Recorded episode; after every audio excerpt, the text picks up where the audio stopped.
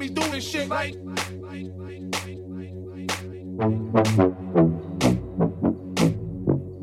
Live the fast life, go. Whoever I forgot.